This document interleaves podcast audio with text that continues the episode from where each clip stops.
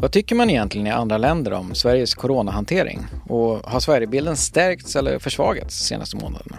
Du lyssnar på Expressen Förklarar, jag heter Joakim Rydström och idag pratar jag med Jakob Stenberg som är analytiker på Svenska institutet. Jakob jobbar med att analysera Sverigebilden i den internationella nyhetsrapporteringen och har följt vad man säger om de svenska coronaåtgärderna. Jag frågar honom hur, rent övergripande, omvärldens syn är på Sverige så här under pågående pandemi. Ja, I nuläget så följer vi den eh, internationella nyhetsrapporteringen om eh, Sverige och Sveriges hantering av eh, coronapandemin och Eh, hur man pratar om Sverige på sociala medieplattformar. Och om vi ser till hur media rapporterar om Sverige så är det ju en ganska unik situation egentligen. Vi ser att antalet artiklar om Sverige är på en ganska hög nivå jämfört med tidigare perioder. Det som också är unikt är just att det är lite mer djuplodande artiklar och längre reportage om Sverige och Sveriges hantering som vi kanske inte har sett på samma nivå som tidigare. Generellt så kan man ju säga att rapportering är ganska neutral och faktafokuserad om man säger så. Även om kritik och förundran såklart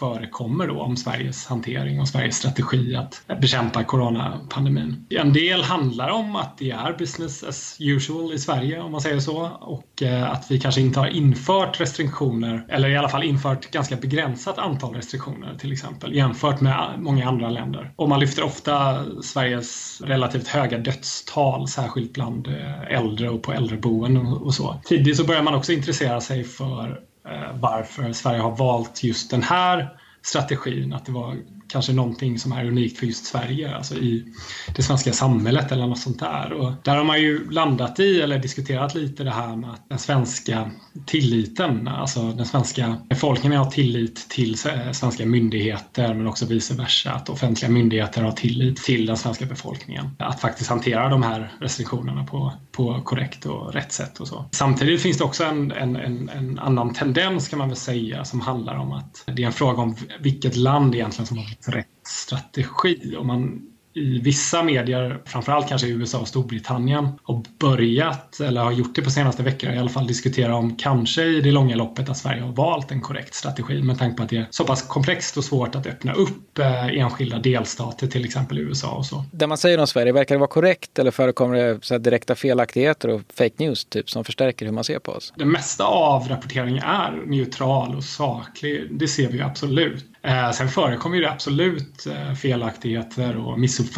Alltså dels har det handlat ganska så mycket om alltså flockimmunitet, om det har varit Sveriges uttalade strategi att skapa flockimmunitet i den svenska befolkningen. Så det har varit mycket eh, på, bland nyhetsmedier men också på sociala medier om just det. President Trump har nämnt det vid en presskonferens för några veckor sedan att det, det är Sveriges uttalade och, och officiella strategi. Så det fick ju en viss skjuts så att säga efter hans uttalande i USA. Sen ser vi ju snarlika tendenser kanske i våra nordiska grannländer att man har diskuterat, diskuterat diskuterat just det om flockimmunitet, om det är Sveriges strategi eller inte. Sen är det andra missuppfattningar kan man väl säga som också präglar diskussioner utomlands. Dels det här med att Sverige kanske prioriterar ekonomi eh, utöver folkhälsan till exempel, men också att det är business as usual då, så att människor lever ungefär som tidigare innan coronapandemin och det, det stämmer ju faktiskt inte. Om man backar bandet en aning till innan coronautbrottet och ser liksom hur Sverigebilden är rent generellt? Vilken är liksom stereotypen man vanligtvis målar upp om svenskheten och om Sverige? Ja, det skiljer sig såklart ganska mycket åt beroende på vilket land man kollar på. Men också när det gäller vissa demografiska aspekter kan man ju säga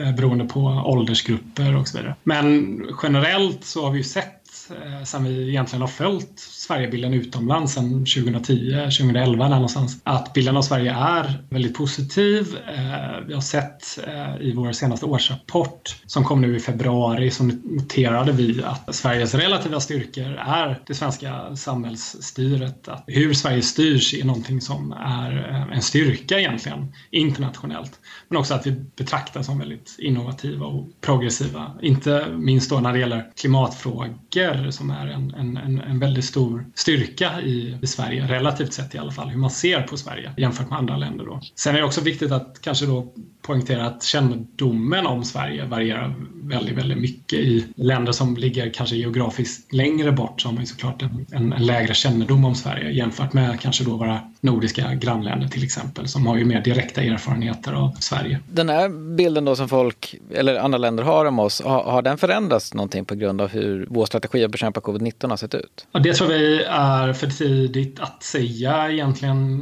just nu. Alltså ett, bilden av ett land som Sverige till exempel påverkas ju av en, väldigt många olika faktorer. Hur nyhetsmedia rapporterar om Sverige, egna erfarenheter som man har då av Sverige, om man har bott eller studerat, turistat i Sverige. Eller om man har tidigare kännedom på något sätt liksom, om Sverige. Om man har en vän som har bott i Sverige till exempel. Eller något sånt där. Så det är väldigt många olika faktorer såklart som, som påverkar hur man ser på ett land. Sen beror det, det väldigt mycket på, tror jag, själva utfallet. Alltså hur det går för Sverige i hanteringen av corona pandemin på längre sikt jämfört med till exempel andra länder. Då. Och det kommer ju såklart dröja som så mycket annat när det gäller just corona. Det kommer ju dröja innan vi vet hur det här exakt kommer att, eh, ja, effekterna kring det här helt enkelt. Och det samma gäller ju Sverigebilden. Alltså effekterna av det här, det kommer vi att studera och vi kommer att göra det eh, framöver och varje vecka nu framöver också. Men jag tänker också så där, Sverigebilden låter ju så abstrakt på något sätt. Hur viktigt är det att det finns en positiv Sverigebild i omvärlden? Alltså hur kan man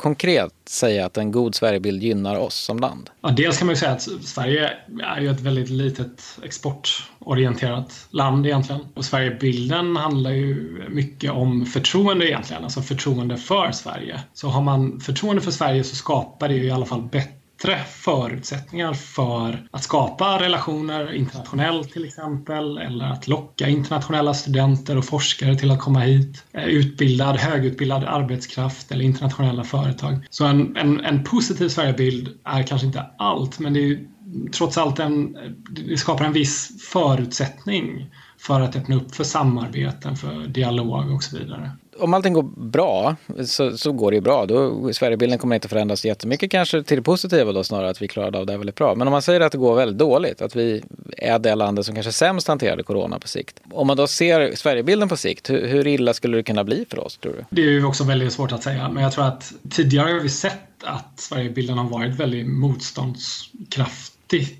och att det har förekommit narrativ om Sverige tidigare eh, som har utmanat Sverigebilden och vi har inte sett några liksom, direkta effekter av det egentligen. Och det handlar ju egentligen om att eh, bilden av Sverige förändras väldigt långsamt. Den här positiva grundbilden av Sverige egentligen. Att det, det är ganska viktigt att ha det för att det betyder ju att det finns en resiliens eller att det finns en ett motståndskraft egentligen i det här och att även om det kanske går relativt illa när det gäller Sverige Sveriges hantering av corona så finns det trots allt kanske då en, en positiv Sverigebild att luta sig mot lite och eh, det tror jag också kommer att vara fallet här faktiskt. Du har lyssnat på Expressen förklarar, en podd där vi i varje avsnitt fördjupar en aktuell grej i nyhetsflödet. Du kan följa Expressens övriga nyhetsbevakning dygnet runt på Expressen.se i vår app eller i Expressen TV.